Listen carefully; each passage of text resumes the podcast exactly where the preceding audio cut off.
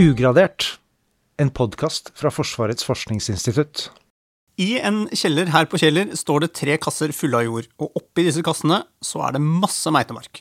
Men hvorfor i all verden har vi meitemark her på FFI? For å finne svaret på det, så har vi invitert deg, Ida Vaa Johnsen. Velkommen. Hei. Hei, hei. Du er overingeniør ved det vi kaller Avdeling totalforsvar her på FFI. Vi går rett på sak. Dette prosjektet ditt med meitemark, hva er det dere gjør? Eh, sånn veldig kort fortalt så er det egentlig det å eh, utsette meitemark for bly for å se eh, om de hvor godt de tåler det. Hvis jeg skal forklare litt mer, så er det jo altså, på skytebaner så er ofte veldig forurensa av bly. Um, bly som kommer fra ammunisjon? Det kommer fra ammunisjonen. Okay. Mm. Uh, så det er en del områder på skytebaner som veldig, har veldig høye konsentrasjoner av bly i jorda. Uh, så det vi har gjort, det er å dratt ut på fem forskjellige skytebaner i Norge, og så henta jord som er forurensa, og jord som ikke er forurensa. Okay. Og så lager vi blandinger fra regn til veldig forurenset. Eh, fem forskjellige konsentrasjoner, tror jeg det er. Og så putter vi meitemarken oppi her og lar den leve der i fire uker. Tar den ut, ser om de har overlevd. Eh, lar jorda stå i fire uker til. Og da eh, teller vi opp hvor mange babymark som er oppi jorda, for å se om de har klart å reprodusere. Nemlig. Hvem er det som har bedt oss om å gjøre dette her? Det er eh, Forsvarsbygg. For det er de som eier skytebanene rundt om i Norge. Da har dere altså telt og veid marken, som har levd der i fire uker, og så mm. har dere telt babymarken. Mm. Hva, hva, er det det lærer oss? Det, eh, det kan Altså, marken er en veldig god kontrollorganisme. Det vil si at den kan si noe om forholdene som er i jorda. Eh, fordi den For det første så er det det at den har blitt brukt av mange andre forskere, sånn at det er lett å sammenligne resultatene med, med andre. I tillegg så er den eh, Marken er ganske sensitiv. Så hvis marken blir eh, ramma, så kan du si at det er et sånt uh, bunnivå. Uh, altså hvis marken blir ramma, så er de andre artene trygge, kan du si. Hvis marken ikke blir ramma?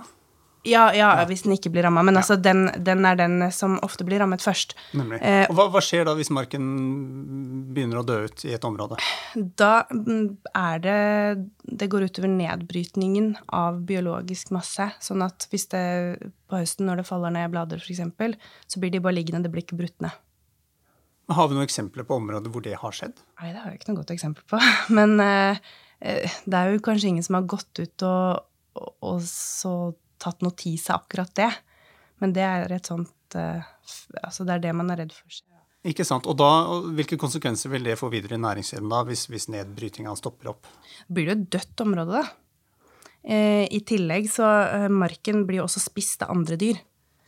Sånn at uh, det Selv om forurensningen kun er på et ganske lite område, så er det fare for at f.eks. fugler som spiser mark, kan forgiftes, og de eh, flyr jo rundt og kan spre det videre. Ikke sant. Men det, her snakker vi om at dere eh, tar og sjekker hvor mye blod, nei, bly det er i jorda, og så gjenskaper gjenskaper dere det. Går det an å Hvor mye bly snakker vi om? Eh, før eh, altså, det begynner å bli for, for vi kaller det forurensa jord? Eh, jeg husker ikke akkurat grensene, men eh, på bakgrunnsnivå det er under 100 mg per kilo bly. Ja. Eh, cirka, om det er 60 eller 100. Eh, og så når det begynner å bli ganske forurensa eh, På skytebaner så ser man stort sett over 1000. Eh, mens når man skal rydde opp, så er det ofte kanskje ned til Settes det gjerne en grense på kanskje 300. Ok, Så, så hvis det er mer enn 300, så må de bytte ut jorda?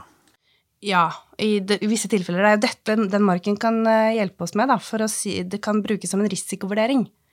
Hvis det viser seg at 300 eh, ikke har noen effekt, så kanskje man slipper å bytte ut jorda som er, øh, tre, har 300 milligram bly per kilo. Så det er, det, det er, noe av det dere prøver å finne ut nå? altså hva, Hvor store blymengder i jorda er det mm. egentlig mm. som har innvirkning på, på dyrelivet? Mm. Ja. Hva, Har dere kommet, funnet noen konklusjoner ennå? Hvor langt i prosjektet har dere kommet? Vi har kommet så langt at uh, marken har blitt utsatt, og vi har telt opp yngel uh, og Veidmarken. Men vi har ikke fått analysert blykonsentrasjonen i marken ennå. Og vi har ikke fått gjort all statistikken vi skal på resultatene heller. Nei.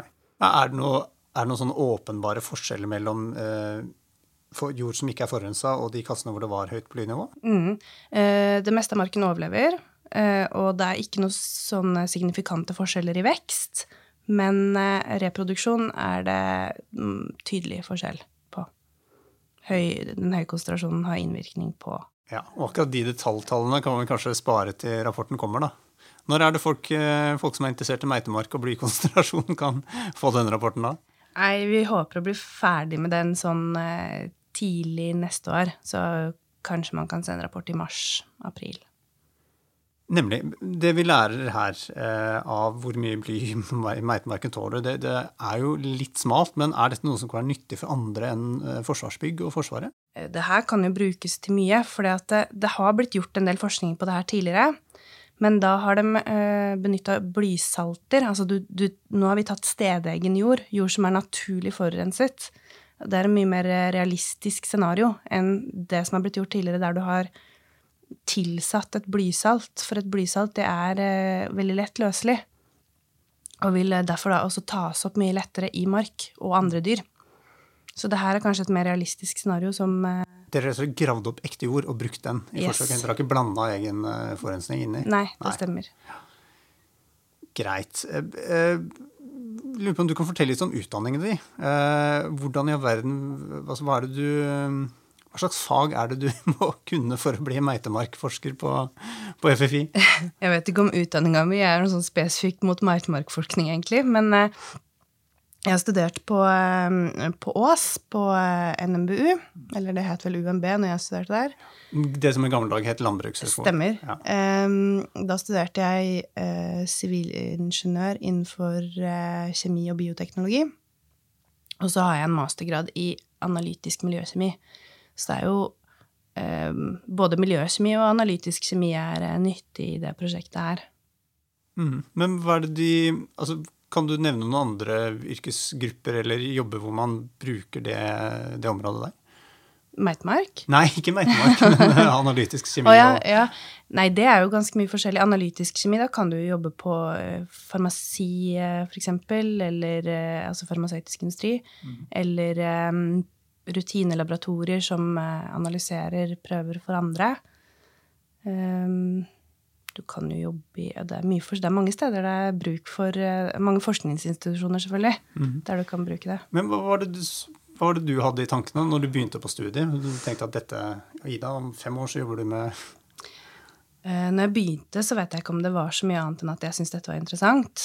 Uh, men etter hvert så hadde jeg Eh, FFI var faktisk et sted jeg hadde veldig lyst til å jobbe.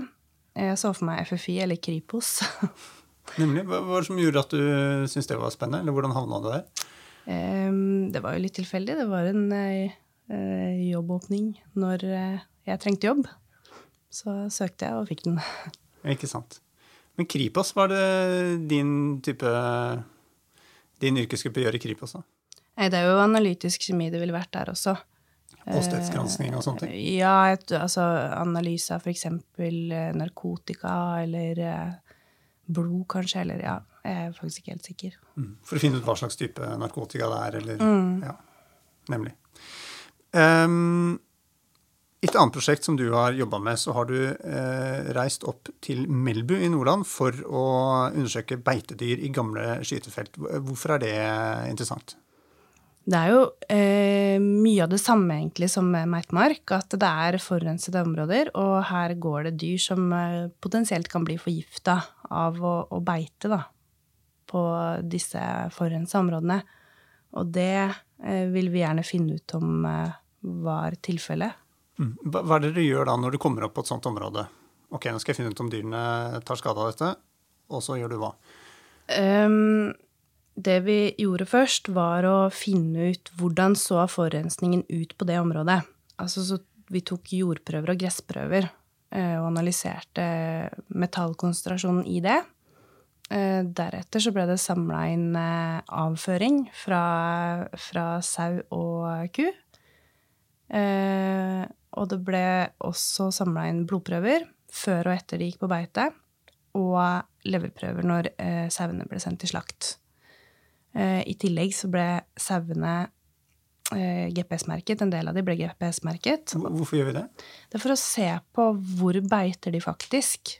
Um, hvor mye av tida si benytter de på å beite på forurensa områder. Da ble det også satt opp viltkameraer på de forurensa områdene for å se om eh, gikk de bare forbi, eller beitet de faktisk der det var mest forurensa. Og, det har jeg lurt litt på. Hvorfor i all verden skulle en sau eh, ville stoppe opp på et område som, som er spesielt for, forurensa? Eh, Det kan være tilfeldig at der var det bra eh, gress.